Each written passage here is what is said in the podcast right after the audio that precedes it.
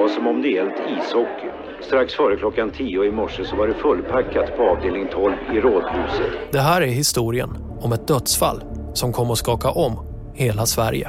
Detta är det de värsta bilder han har sett i fotobranschen på 35 år.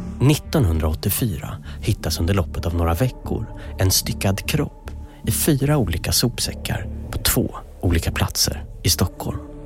Det var alltså uppstyckat lik. Offret är en ung kvinna, prostituerad och missbrukare. Vad är det för motiv? I alla andra mordsammanhang så diskuterar du varför dödades denna person, av vilka skäl? Utredningen pågår under flera år och två män pekas ut som huvudmisstänkta för mordet av polisen och i media. De kom att kallas för allmänläkaren och obducenten och fallet blev ett av de allra mest omdiskuterade rättsfallen vi haft i Sverige. Detta är i sin kärna en häxprocess. Utan denna häxprocesshistoria, ett barnvittnesmål som inte ens skulle ha tillåtits på 1600-talet, så skulle målet inte ha funnits. All bevisning som presenteras i det här fallet är indicier. Den består av vittnesmål som pekar mot att de två männen, allmänläkaren och obducenten, har gjort sig skyldiga till både mordet och styckningen av Katrin da Costa. Det var, var två stycken ärenden som tyngde mig. Och det ena var kvickärendet och det andra var da Costa-ärendet. Ingen vet hur eller varför Katrin da Costa dog. Vi kom för sent. Men det var en erbarmlig jävla utredning faktiskt. Då. Det här är Spår, säsong 8. Fallet Katrin da Costa. Jag heter Anton Berg. Och jag heter Martin Jonsson. Första delen. Allmänläkaren och obducenten. Om du hör det här betyder det att du prenumererar på Spår. Jag vill bara säga tack för att ni stödjer oss och vår journalistik. Gör du något? Får jag röka? Ja. Får jag det? Ja. Vi befinner oss i en inrökt lägenhet på Kungsholmen i Stockholm. På hyllorna står det VHS-kassetter. Gamla fotografier ligger i kuvert vid soffbordet. Bredvid oss står en rullator parkerad. Och jag, och jag vill också bara säga att vi gör ju inte det här för din skull så att säga. Utan vi gör ju liksom en objektiv granskning. Mannen vi är här för att träffa är en av Sveriges mest omdebatterade och omtalade personer. Ibland kanske det kommer vara frågor som du upplever som jobbiga, men som man ändå som lyssnare kommer, kommer att undra över. Så.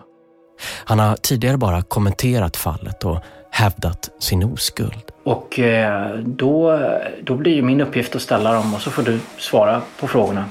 Men han har aldrig tidigare satt sig ner i en regelrätt intervju och berättat från början till slutet. Det här är mannen som är mer känd som allmänläkaren. Allmänläkaren, det är jag. Och jag var ju inte allmänläkare, jag skulle ju bli hudläkare. Har jag berättat om det? Egentligen heter han Thomas Algen och han och en annan läkare som i media kallades obducenten var alltså polisens huvudmisstänkta. Vi kommer i den här serien kalla obducenten för Theo. Och han, han var anställd som rättsläkare, vilket är en mer korrekt beskrivning av hans jobb än obducenten.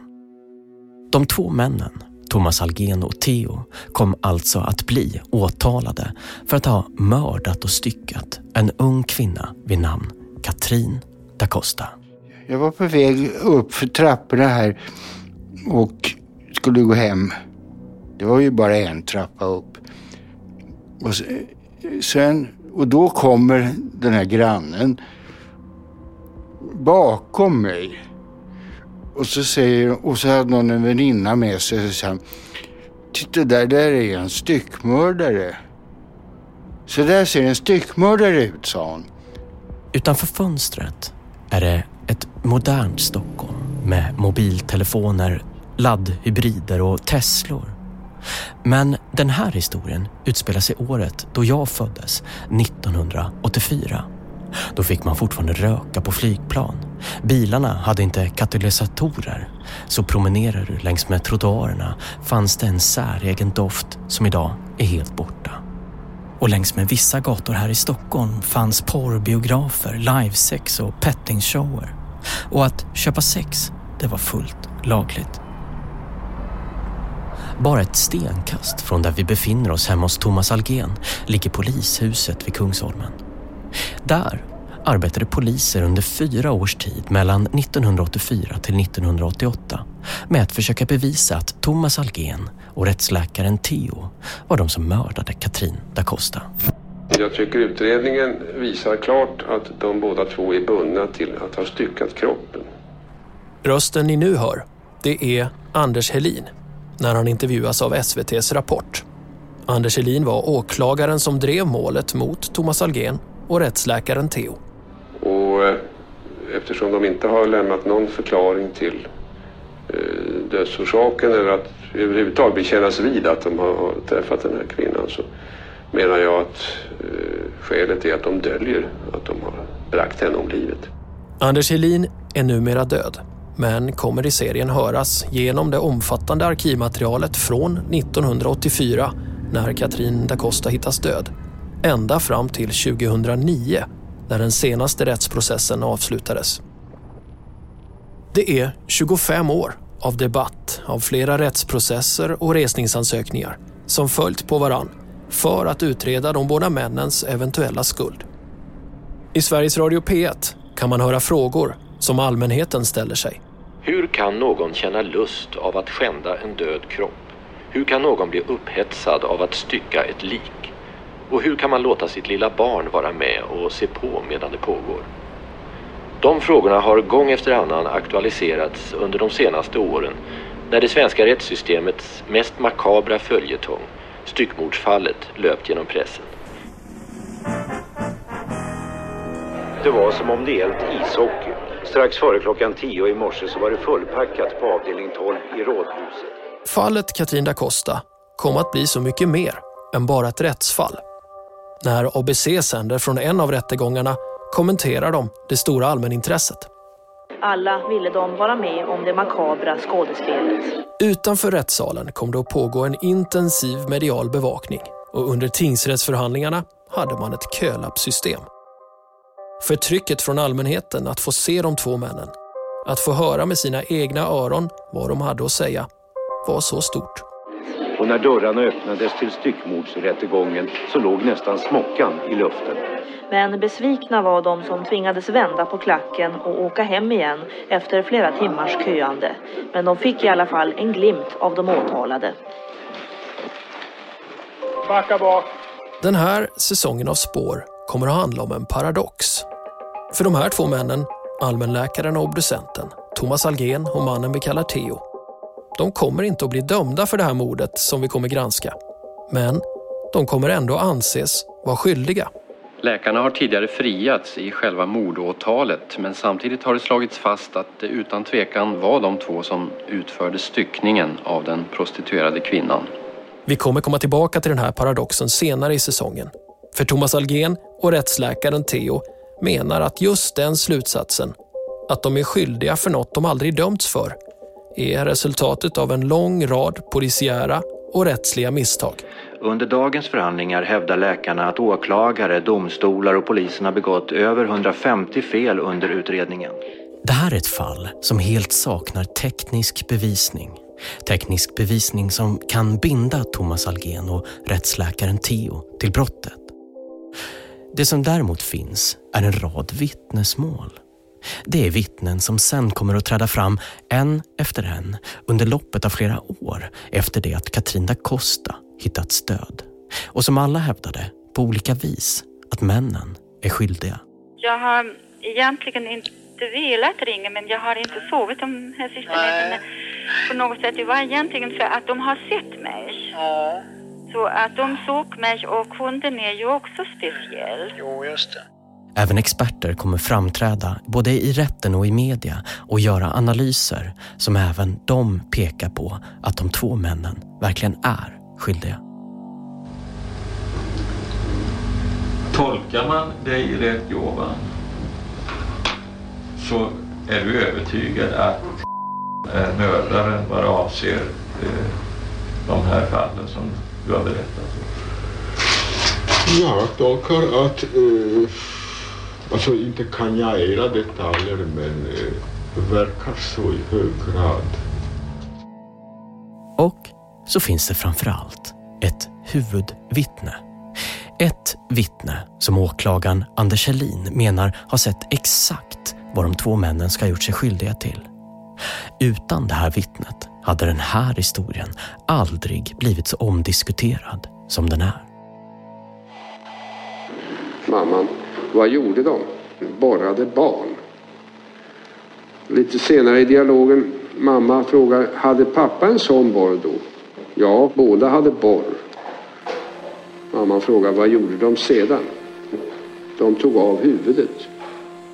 Vittnet, det är ett 17 månader gammalt barn. Och hon är Thomas Algens dotter. Enligt dotterns mamma säger barnet att Thomas Algen ska ha tagit med sig henne när han först mördat och sen styckat Katrin da Costa tillsammans med rättsläkaren Theo. En 11 juni 1984. Din för detta fru menar att du var iväg. Skitsnack. Det, det är ju fullkomligt orimligt. Ett barn som är ett och ett halvt år har, inget, har inga, inga minnesfunktioner i hjärnan som de kan komma ihåg sånt här. 1987, 12.21, klockan 12.15. Mammans berättelse om vad dottern sagt växer fram i ett senare skede, när flickan har blivit två och ett halvt år gammal. Närvarande är chefsåklagare Anders Helin, förhörsledare Krins Bengt Winkvist. Året efter det att Katrin da Costa hittats död. Hon sågar sig själv som bestraffning ibland och sågar mig när hon är arg på mig. Säger att hon... Mamman, som vi kommer kalla Eva, förhörs under flera år av polisen. Det här är ett förhör från 1987. Jag har, har då vissa associationer som, som härstammar ur det hon har varit med om. Vad är det för typ av association hon gör då? Säger att hon ska döda mig. Försöker strypa mig ibland. Med hjälp av en psykologutredning kommer polis och åklagare fram till att det mamman sagt om vad barnet upplevt är troligt. Beviset är bortträngda minnen och ett utåtagerande beteende hos dottern. Och framförallt mammans egen berättelse till polisen om vad dottern sagt. I den här säsongen av Spår kommer vi söka svar på hur ett 17 månader gammalt barn kan bli ett huvudvittne i en mordrättegång. Och vi gör det genom att försöka hitta ett källmaterial vars existens har ifrågasatts. Det var vi ju medvetna om att det här är inte direkta uppgifter från barnet. Det här är barnet som, uppgifter som sådana de är förmedlade utav, utav mamman. Och, och, det fanns ju liksom inga bandinspelningar utav något större värde som, som man, när man kunde lyssna på, på den här eh, barnets uppgifter till mamman och, liknande. Utan vi, vi, var väl helt enkelt tvungna att, att lita på att mamman talade sanning helt enkelt. Jag ska bli skitförvånad om du hittar dem. Och med kassettbanden då menar jag där dottern pratar på band. Alltså det som mamman då skulle ha spelat in. Ja. Nej, de, de tror inte jag existerar i sinnevärlden. Vi kommer också försöka förstå vad man idag med modern forskning kan säga om själva fyndplatsen. De här delarna var ju i sånt skick när man hittade dem att det gick inte på något rimligt vis att bestämma någon närmare tidpunkt då. för dödens inträde. Ja, det är Anders. I den här säsongen har vi också tagit hjälp av journalisten Maria Hansson Botin. Och jag funderar på om det utifrån alltså, de uppgifterna som finns i protokollet går att så här, kanske tillsammans med väderdata från det här året skulle gå att säga någonting om hur länge de kan ha legat utomhus. Liksom. För er som lyssnat på de tidiga säsongerna av Spår så är hon en ny röst. Ni kommer höra henne genom serien. Hur, hur har du fått tag i det här numret? Eh, alltså är det du kopplad i växeln eller? Jag bad i växeln att få prata med Nej. en kollega för att se. Han sitter eh, mitt emot mig i ett rum här så att han borde kunna svara. Men du, kan, om, om jag lämnar över luren till honom så kanske han kan eh, hjäl- vara behjälplig, eventuellt. Ja, men, ja, ja, absolut om du vill göra det så. Och ni som hört spår förut kommer känna igen er. Vi gör det vi alltid gör. Vi har till och med tryckt upp det på numera ganska gamla kaffekoppar. I ett känt kriminalfall hittar vi det okända och följer spåren.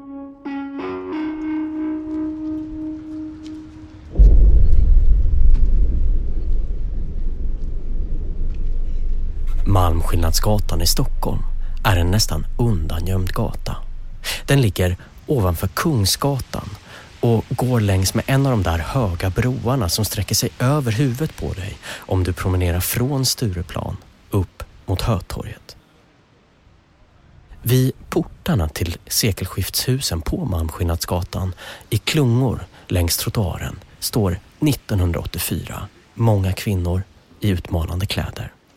De har höga stövlar och nätstrumpor, skinnjackor, stora örhängen i neonfärger.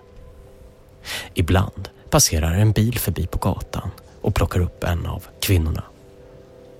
Det är fortfarande 1984 lagligt att sälja och köpa sex i Sverige. Olof Palme är statsminister och polisen för register över vilka kvinnor som säljer sex på gatan.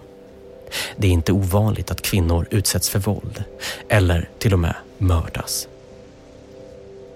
Om bara några år kommer mäns köp av kvinnor betraktas som våld och bli olagligt.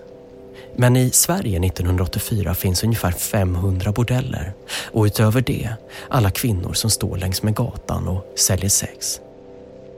Och en av dem som står där är Katrin da Costa. Och det är som prostituerad missbrukare Katrin da Costa är känd för eftervärlden. Och för att hon hittats styckad utan att alla hennes kroppsdelar återfanns. Medan vi står i minneslunden tänker jag att detta kanske inte är den sista begravning vi har av Katrin. Kanske de hittar hennes huvud också till sist.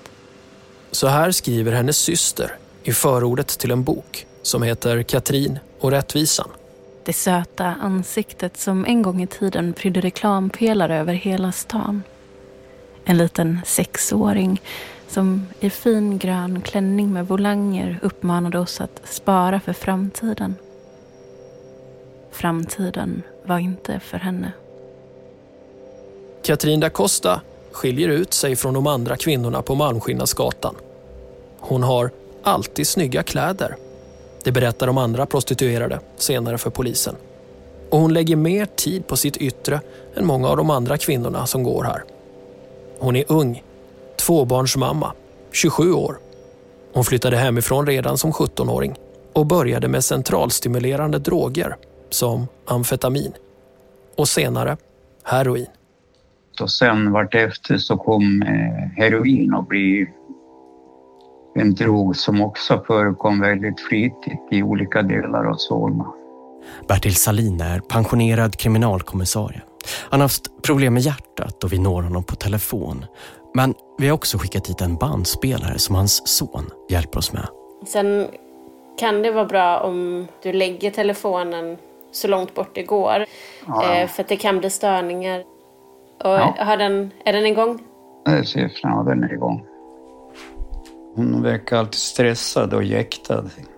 Det var säkert bara att hon hade gjort upp träff om att få göra ett inköp av heroin och narkotika och sen bort någon annanstans för att inte bli avmätt av poliser och sånt. Så att, Men under Katrin da Costas sista tid i livet blir hon mer oförsiktig enligt vittnesmål från de andra kvinnorna i den massiva polisutredningen som lämnas kvar.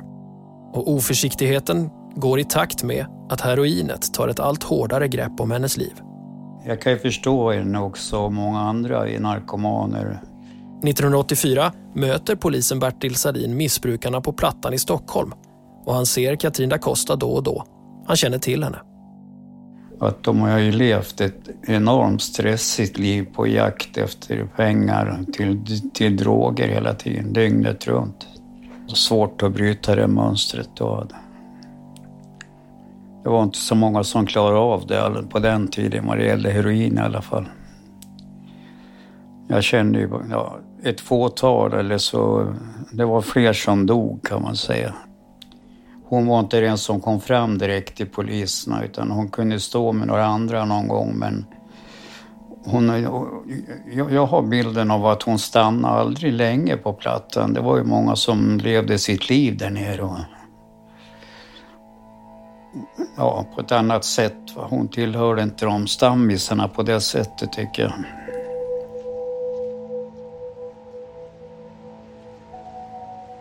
Numera är det olagligt att köpa sex. Men på Malmskillnadsgatan i Stockholm så plockas det fortfarande upp kvinnor som säljer. Och då som nu så finns det samma missbruksproblematik. Så att här, men här, här går flickorna då fram och tillbaka, fram och tillbaka. Och här kommer då bilarna och kör in där borta, kör de in och så kör de ut där. Där. Det är liksom lite av en ficka här där de kan köra in och plocka upp. Ja, det är det. Det här är Elise Lindqvist. Maria Hansson Botin möter henne i en lokal nära Malmskillnadsgatan. Man måste tåla och se helvetet som jag säger på gatan. Det här är ingenting. Jag blir så fruktansvärt arg när man säger till exempel, ja men det är väl bara att gå. Man kan, behöver inte finna sig där. Eller också, det är, väl, det är väl bara att sluta. Då vet man inte vad man pratar om. Idag kallas hon Ängen på Malmskillnadsgatan. De prostituerade kallar henne morsan. Hon är 86 år gammal och har varje fredag sedan mitten av 90-talet stått utanför Malmskillnadsgatan 29 och mött de unga kvinnorna. Elise Lindqvist har också varit prostituerad. Jag har levt det här livet. Jag har levt hur det känns att vara hemlös. När jag inte vågade vara med längre, när en, en man som köper mig och vi har sex i baksätet i bilen, han tar fram kniven och sätter kniven här och börjar skära. Han vill alltså se blod från mig när han har sex med mig. När vi söker efter de prostituerade som finns i polisens register över vilka som stod på gatan då, 1984, för att hitta någon som kan minnas Katrina Costa, finner vi att nästan alla är döda. Elise Lindqvist berättar för oss. De prostituerade som missbrukar heroin, vilket Katrin da Costa också gjorde, inte lever länge. Jag tror att heroinet är nog djävulens tryck. Vilken drog kvinnorna på gatan använder påverkar hur de väljer sina kunder, menar Elise Lindqvist. Bland mina tjejer så är det ju de som har lite granna bara, lite stimulans. Ja. De kan tänka klart. De väljer kunder. De sätter sig inte i vilken bil som helst. Till skillnad från de som tar tyngre droger som heroin. Elise Lindqvist ser det ofta. Knarket påverkar verkligen bedömningen. Och den som är påverkad av heroin när hon kliver in i en bil kan göra riktigt stora misstag. Vem, vem är den kund som jag har sålt mig till? Kommer jag, sam, kommer jag hamna kanske i samma öde som Lacosta? Och det, det är inte alls overkligt vad det är, ett år sedan eller vad det är för någonting, då en av mina flickor då. Vi är så nervösa, nu är de ute, de. Läkarna. Vilka läkare säger La Costa, säger de då. Det här årtionde, de är jätterädda, vi vet ju inte ens en gång hur de ser ut, säger flickorna till mig. Och då ska de gå och sälja sig. Och då kan du tänka dig vilken hemsk rädsla det måste vara är det mördare jag sitter med?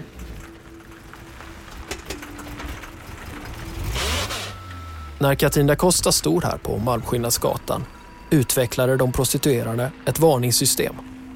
De antecknar registreringsnummer på bilar som körs av män som de är rädda för. Då kan man skydda varann. Sådana noteringar finns även i en liten svart anteckningsbok som Katrin da Costa lämnat hos en man där hon bor periodvis. Ja, ibland fick man en, eh, bilden av att det var ganska enstöring som ja, såg till sitt eget liv på det sättet med att fixa pengar och sen köpa droger. Hon hade ju ställen där hon kunde vara säker på att bo, hos, bland annat hos män då. Och där visste hon ju att eh, där skulle inte polisen komma och leta henne. Hon kanske behövde ligga lågt, ja vet jag, två, tre veckor eller en vecka just för stunden. Katrin föddes inte som da Costa. 1979 träffar hon en portugisisk man och tar hans efternamn när de gifter sig. Hon har en son sedan tidigare och får tillsammans med sin portugisiske make en son till. Barnen omhändertogs av socialen så att det blev väl ännu svårare för henne kan man tänka sig. 1984 har Katrin da Costa inget eget hem. På nedervåningen vid T-centralen står det rader på rader av stora förvaringsskåp och en effektförvaring. Nu, som då, kan du betala för att förvara dina tillhörigheter under en period. Ibland förvarar Katrin da Costa sina saker här när hon inte har någonstans att sova. Det allra viktigaste. Någon eller några dagar innan hon försvinner lämnar hon in en brun bag och en plastkasse med kläder i ett av skåpen på centralen. Och en stor transistorradio som hon har köpt för tusen kronor. Hon har gått runt med den på stan och spelat på högsta volym där hon har synts runt omkring Kungsträdgården. Katrin da Costa vill under den här perioden, strax innan hon försvinner, bort från gatan. Hon vill ut ur missbruket. Så att hon ville börja ett nytt liv, alltså du vet. Det här är ljud från polisens förhör 1984 med en av Katrin da Costas vänner. Han berättar att Katrin vill hyra ett hus för att kunna börja om. Och jag skulle svara i telefon, hon skulle ta vilket jobb som helst, städjobb och det bara hon eh, fick eh, komma igång. Och sen hade hon ju resonerat med mig, du vet, som de var, bägge barnen var ju tagna. Och då frågade hon, resonerade med mig, men jag sa att du får börja om ett nytt liv, jag. Du får ge fan i narkotika och skit och sen så får du börja jobba först och sen får du skaffa en kille och skaffa dig ett barn alltså. Och sköta det så kan du chans att få tillbaka dina barn alltså.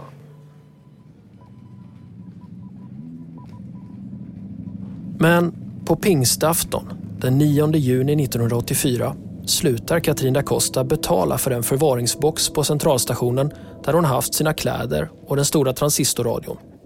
Det är försommar och än är det ingen som saknar Katina Costa. Hon har ingen fast adress. Hon har under några års tid bott på billiga hotell, hos andra missbrukare eller hos torskar. Det finns först ingen som lägger märke till att hon plötsligt bara är borta. Ibland åker hon till Portugal där pappan till hennes barn bor och det är kanske också därför som ingen polisanmäler henne som försvunnen. När hon saknas på gatorna så tror en del prostituerade bara att hon är i Portugal. Så att om hon var borta kanske inte var så märkligt för alla kunde ju inte veta var hon brukade vara någonstans. Så möjlig, möjligen eh, några utav eh, hennes olyckssystrar så att säga som eh, brukar heroin och prostituera sig. De kanske hade någorlunda kläm på var hon höll hus och så vidare. Så att... Den 18 juli kallas fyra poliser till Upplandsgatan i Stockholm i samband med ett misstänkt inbrott. När poliserna är på platsen passar en av grannarna i huset på att ta kontakt.